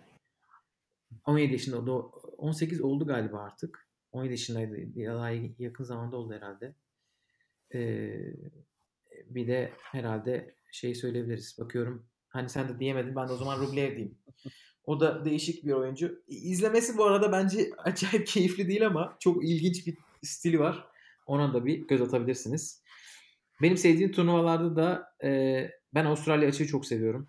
E, bence herkes fit oluyor o zaman. Daha böyle e, dinlenmeden, fitness'tan yeni gelmiş oluyorlar. E, iyi bir atmosfer oluyor, hava güzel oluyor. E, ikinci olarak e, sene sonu Londra güzel bir turnuva. Sene, şu anda tabii Londra'da olduğu için Londra olarak adlandırıyoruz ama sene sonu Master finalleri erkeklerin. Onun dışında bir de Indian Wells olabilir herhalde. Hani değişik bir şey söylemiş olmak için. İlk Masters turnuvası. Hem erkekler hem kadınlar var. Bayağı kalabalık bir e, ekip. Güzel bir turnuva. Deyip ikinci soruya geçiyorum. Bu soru e, böyle biraz efkar bir soru. ne olacak bu Muguruza'nın hali Bunu sana diye bir paslayayım soru. ben. Muguruzacı olarak senin. Metehan e, sormuş. E, Metehan üzülme abi. Hiç geçer bugünler. Muguruza toparlar. Yani ben açıkçası Muguruza'yı çok yakın takip etmiyorum ama e, bir trendine baktım hani neler yaptı diye. E, şey çok böyle istikrarlı bir oyuncu değil şu anlamda. Grand Slam kazandıktan sonra böyle geçen sene mesela Wimbledon'ı kazandıktan sonra Cincinnati'yi de kazanıp sezon kontağı kapattı neredeyse. 2016'da aynı şekilde. Fransa açıyı kazandıktan sonra böyle çok büyük işleri hani arka arkaya getirmedi. 2015'te de Wimbledon finalinden sonra böyle. Onun için bu sene gerçi başarıları bir, bir biraz daha düşük. Hani biraz daha değil mi? Bayağı daha düşük Grand Slam olmadığı için ama o o kayıp anlarından sonra geri gelen bir oyuncu izlenimi veriyor son 3-4 sezona baktıkça. Onun için önümüzdeki sene hiçbir şey beklenmiyorken birden çıkıp e, bir şeyler kazanabilir. Bu sene Sharapova'yı dağıttı mesela. Hani, Muguruza iyi bir tenisçi hatta büyük bir tenisçi. Ama hiçbir zaman böyle yani bir dönemi domine edebilmiş bir oyuncu olmadığı için hatta kadınlar tenisinde bu sanırım Steffi Graf'tan sonra Serena Williams e, hariç bunu yapabilen çok fazla oyuncu da olmadığı için çok da şaşırtıcı bir şey değil yani. Sürprizleri açık ve gebe turnuvalar hep WTA turnuvaları. Arada iyi oyuncular Ama, var ya. Seleşleri en Justin Erenleri harcadı. Yani Serena Williams'ın dominasyonu işte Steffi Graf'tan sonra öyle öyle bir şey yoktu yani o ara Serena'ya kadar. Tabii ki Morezmo'lar, Justin Erenler eyvallah hani. Ama sonuçta ben Serena'yı çok başka bir yere koyuyorum yani. Evet. O top efsaneler seviyesinde. Steffi Graf'tan sonra kesinlikle. O, evet, o herhalde gelir çünkü gerçekten şey olarak da iyi. Yani e, Serena Williams'ı, Venus Williams'ı yenmiş bir isim kendisi. Hem de slam finallerinde. Ama işte biraz istikrar gerekiyor deyip sıradaki soruya geçelim. Ee, AŞ adlı kullanıcıdan Sizce Federer, Djoko, Rafa üçlüsünün bu kadar çok Grand Slam kazanmasındaki ana sebep bu üçünün gerçekten tarihin en iyi üçlüsü olması mı yoksa son 20 yılda erkekler tenisinde eskiye göre zirveyi zorlayacak oyuncu kalitesi ve çeşitliliği eksikliği mi? Yani bir zorlayıcı bir soru. Ama şunu düşünmek lazım. Yani bu üç oyuncunun hakikaten yani eski eskiye göre zirveyi zorlayacak oyuncu kalitesi ve çeşitliliği eksikliği e, tabii ki benchmark'ı Federer, Djoko, Rafa dediğin zaman arada bir uçurum var. E, bu puanlarda da böyle. Dolayısıyla böyle bakınca evet abi geriden zorlayan kimse gelmiyor demek mantıklı olabilir. Ama şuna bakmak lazım. Yok eskiye göre diyor ama. Hani şu anki son yani bu üçlünün dışına göre değil de anladığım kadarıyla yoksa son 20 yılda erkekler tenisinde eskiye göre Yok pardon evet yani... dediğin gibi. Devam Bizim benim de kafam karıştırdı. e, e, ama yani ben şuna kesinlikle inanıyorum. Bu üç oyuncu ve buna işte Murray'i de dahil edebiliriz. Ee, bir seviyeye kadar sakatlıkları hariç işte sakatlanması Del Potro da bu seviyede olabilir demişti Federer ben de katılıyorum. Çünkü o kadar güçlü bir servis ve forendin olması inanılmaz bir avantaj ve otomatikman Grand Slam'lerde favori konumuna getiriyor seni bir noktada. Bu bu oyuncuların sakatlık yaşamaları haricinde gerçekten fiziksel olarak Federer'in 33 yaşından sonraki haline tabii ki bu olayın dışında tutuyorum. fiziksel olarak hep sınırlarını zorlamaları ama bir o kadar da disiplinli, konsantre olmalarına bağlıyorum ve bu hakikaten hani o kadar üst bir düzey ki bir arada bu kadar oyuncuyu görmemiz bile bence büyük bir şans. Yani e, bence olay diğerlerinin kötü olması değil bu üçlünün çok çok iyi bir seviyede olması diye düşünüyorum. Çünkü aşağıda da yani çok fazla maç izliyoruz ve hani insanlar oyuncular böyle belli sürprizler çıkıyor. Yani Robin Soderling çıktı bir maç yendi Nadal'ı. O sayede Allah razı olsun e, Federer'de bir Roland Garros kazandı. E, veya işte ne bileyim bir maç çıkıyor Sam Curry acayip bir şeyler yapıyor. Veya bir çıkıyor Misha Zverev acayip bir şeyler yapıyor. Ama onlar da o seviyede oynayabiliyorlar ve hani o maçları kazanırken karşılarındaki Federer'in, Djoko'nun, Rafa'nın kötü bir seviyede olmasından dolayı kazanmıyorlar.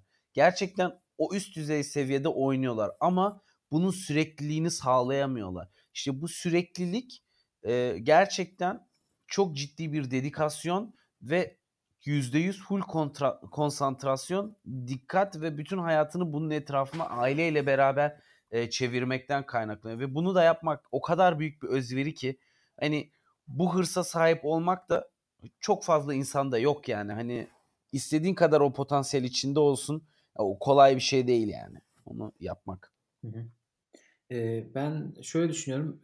Yani Federer, Djokovic ve Nadal'ın e, yok hayır bambaşka bir açıdan yaklaşacağım da çünkü işin içine tarihin en iyisi falan filan katıldığı için biraz hani geçmişle alakalı konuşmak da bana güzel geliyor çünkü her zaman konuştuğumuz şeyler değil. E, Federer, Djokovic ve Nadal'ın hani şu anki sıralamadan bambaşka bir noktada olduğu zaten kesin ve bence hem e, yetenek hem kendilerine adamışlıkları hem çalışkanlıklarından dolayı yani onların bir kombinasyonu ve hani Nadal aralarında en çok sakatlananı ona rağmen Nadal'ın seneyi kapatmışlığı yok. Böyle 4-5 aydan fazlasını kapatmışlığı yok. Nadal 2005 yılından beri ilk ondan çıkmamış. Yani uzay seviyesinde bir noktadalar bu adamlar. Şu anki kendi jenerasyonlarına göre üçü olarak.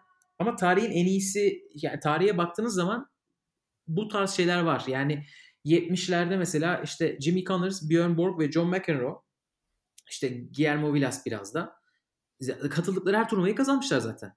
Ondan sonra 80'lerde değişik bir grup geliyor. Ivan Lendl, e, Boris Becker, yine John McEnroe var biraz Mats Wilander. Yani şu ankiler kadar şeyler değiller ama 90'larda Pete Sampras, Agassi, Jim Courier mesela e, orada Fransa açık çok değişiyor. Ama böyle bir bambaşkaydı ya. Yani bir ekip bir ekip var. O ekip sürekli büyük turnuvaları kazanıyor. Gerçeği eskiden de varmış. Sadece şu anda gerçekten bir tık fazla var. Bir de bu kadar çok Grand Slam kazanmaları bence... Çok uzun sürdü dominasyonları. Olay orada bence Gökalp. Yani bence bayağı... biraz şey var. E, teknoloji var işin içinde. E, işin dedikasyonu var. E, para var. Hani buradan çok çok yüksek paralar kazanıyorlar. Bir de eskiden Grand Slam sayısı bu kadar önemli değilmiş. Yani Avustralya açığa hiç kimse gitmiyormuş. Bunu hani galiba bir yer bir podcast'ta daha konuşmuştuk. Avustralya uzak diye. Ondan sonra Avustralya o zaman Aralık sonundaymış. Noel'e denk geliyor diye. Yani bu tarz sebeplerden dolayı Jimmy Connors gibi bir adam Avustralya'ya kariyerinde iki defa gitmiş. İşte Chris Evert'a soruyorsunuz. Diyor ki Margaret Court'un tabii ki öyle bir rekoru var. Çünkü biz o zaman diyor en iyi oyuncular biz gitmiyorduk Avustralya'ya diyor. Orada kazandığı 10 slam'den dolayı öyle bir nokta var bir noktada yani şu anda çok stabil oyuncular. Gerçekten bir böyle bu sadece teniste de değil. Hani her sporda böyle adeta robot gibi yetiştiriliyorlar.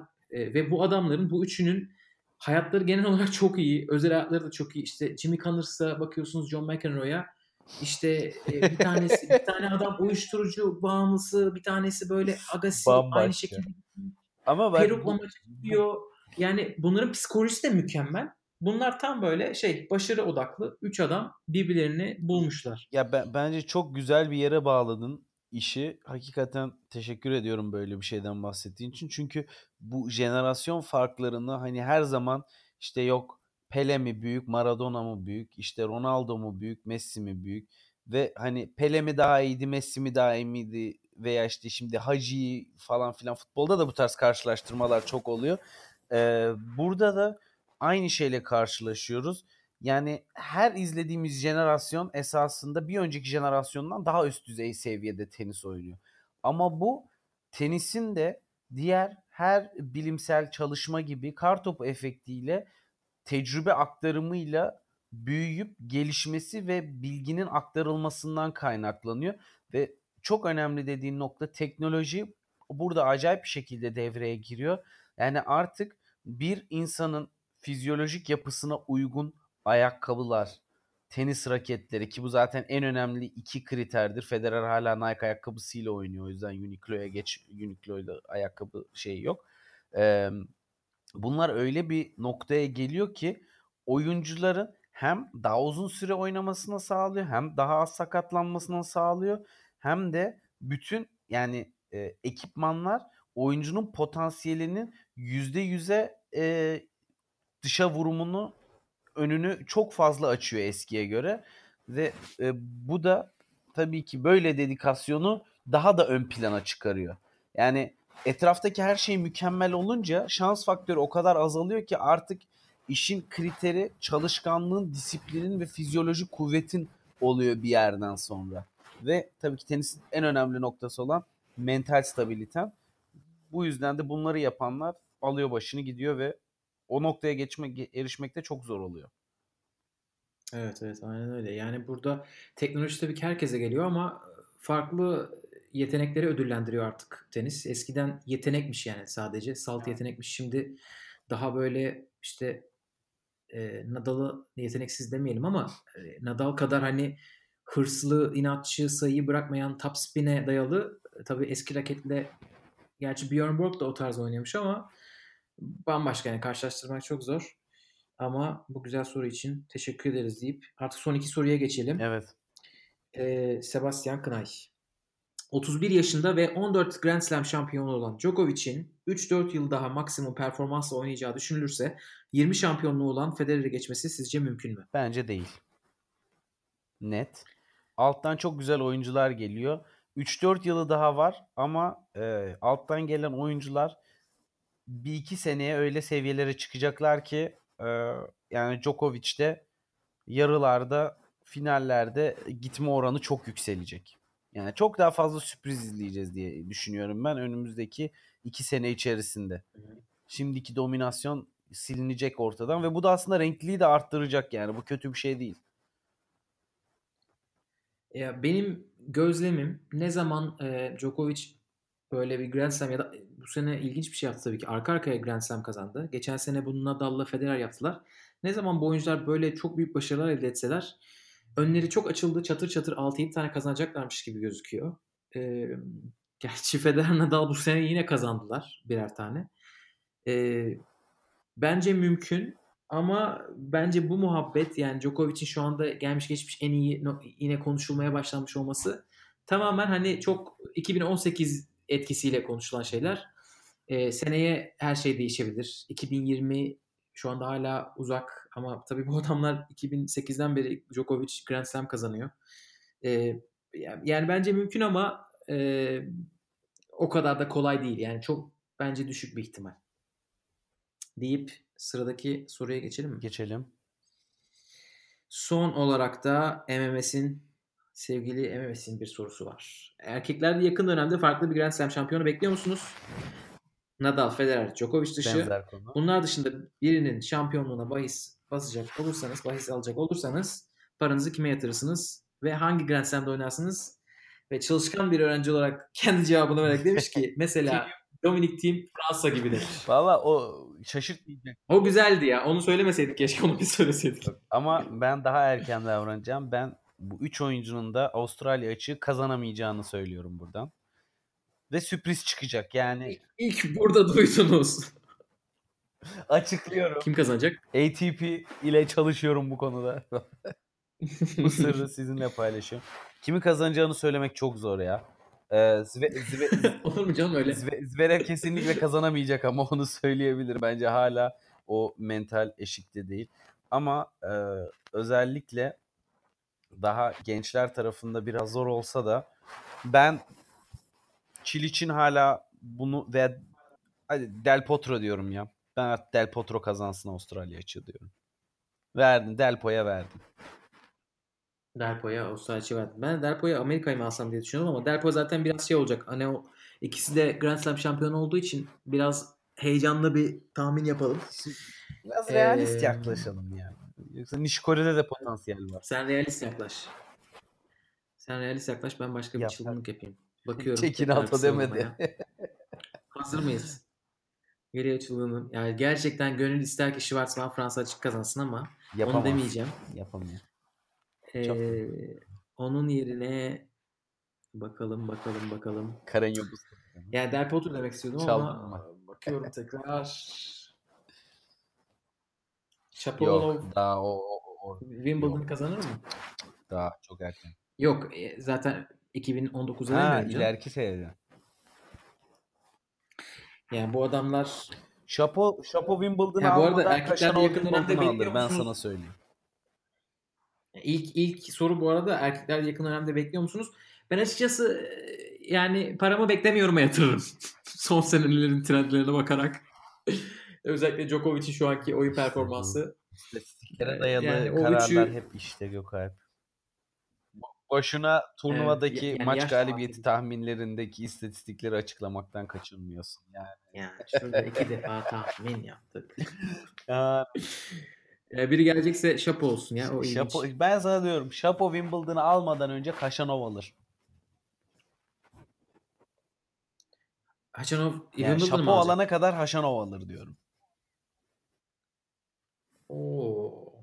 Göreceğiz bakalım. Dediydi dersin. Böylece sorularımızı bitirdik. Mega en uzun 1 saat 26 dakikalık podcastimizi artık kapatalım mı? Başka eklemek istediğim bir şey var mı? Lever Cup'tır, Federer'dir. Önümüzdeki Lever tenisçilerdir. Cup güzel bir turnuva. Seneye inşallah bir aksilik çıkmazsa canlı bir şekilde Cenevre'den bildireceğiz. Böyle yeniliklerin e, teniste olması gerektiğini, tenisin daha çok insana ulaşabilmesi açısından çok çok önemli görüyorum. Bizi dinlemeye devam edin diyorum. Ha, bu arada bence kesinlikle kadınlara da böyle bir turnuva lazım. Efsane bir turnuva olur. Ki orada zaten drama çok daha fazla olduğu için oranın bence çok daha fazla televizyon değeri var. İşin perde Kadın maçları tarafı. zaten çok uzun olmadığı için hani izlemek isteyen onları daha rahat takip edebiliyor. Yani erkeklerdeki kritik ve büyük maçların 5 set olması e, işi biraz zorlaştırıyor. Ne yalan söyleyeyim. Ulaşılabilirlik olarak. Ama WTA maçları WTA maçları yine uzun sürüyor yani. Erkeklerden Tabii. Ama sürüyor, en, çok oluyor. eninde sonunda 3 setin ikisini alan kazanıyor. Evet, evet. Grand Slam'lerde fark var tabii. Deyip o zaman kapatalım. Ee, bizi buraya kadar dinlediyseniz. Son bir fantezi. Gökalp şu anda aklıma Evet, getirdin. lütfen. Lever Cup'ı kadın erkek karışık da yapabiliriz. Ona, ona gerek yok ya. İki tane ayrı kupa olsun. Tamam. Uzar o zaman. Fazla reklam geliri gelsin. Hep bu kapitalist düzen. Lanet olsun. Ee, evet, buraya kadar dinlemeyenler de, ortaya kadar dinleyenler de herkese teşekkür ederiz. Bir sonraki Benim kapitalizm olan sövmemi kaçıranlara da selam olsun. Bir sonraki podcast'imizi sanıyorum artık e, Masters turnuvaları etrafına Şangay geliyor. Ondan sonra e, 500'lükler gelecek. Basel Valencia diye sezonu yavaş yavaş bitireceğiz. Ama ondan bitirmeden önce 2-3 tane daha mutlaka yaparız podcast deyip e, teşekkür ederim. Biz dinlediğiniz için teşekkürler. Görüşmek üzere. Herkese podcast'te görüşürüz. güle güle.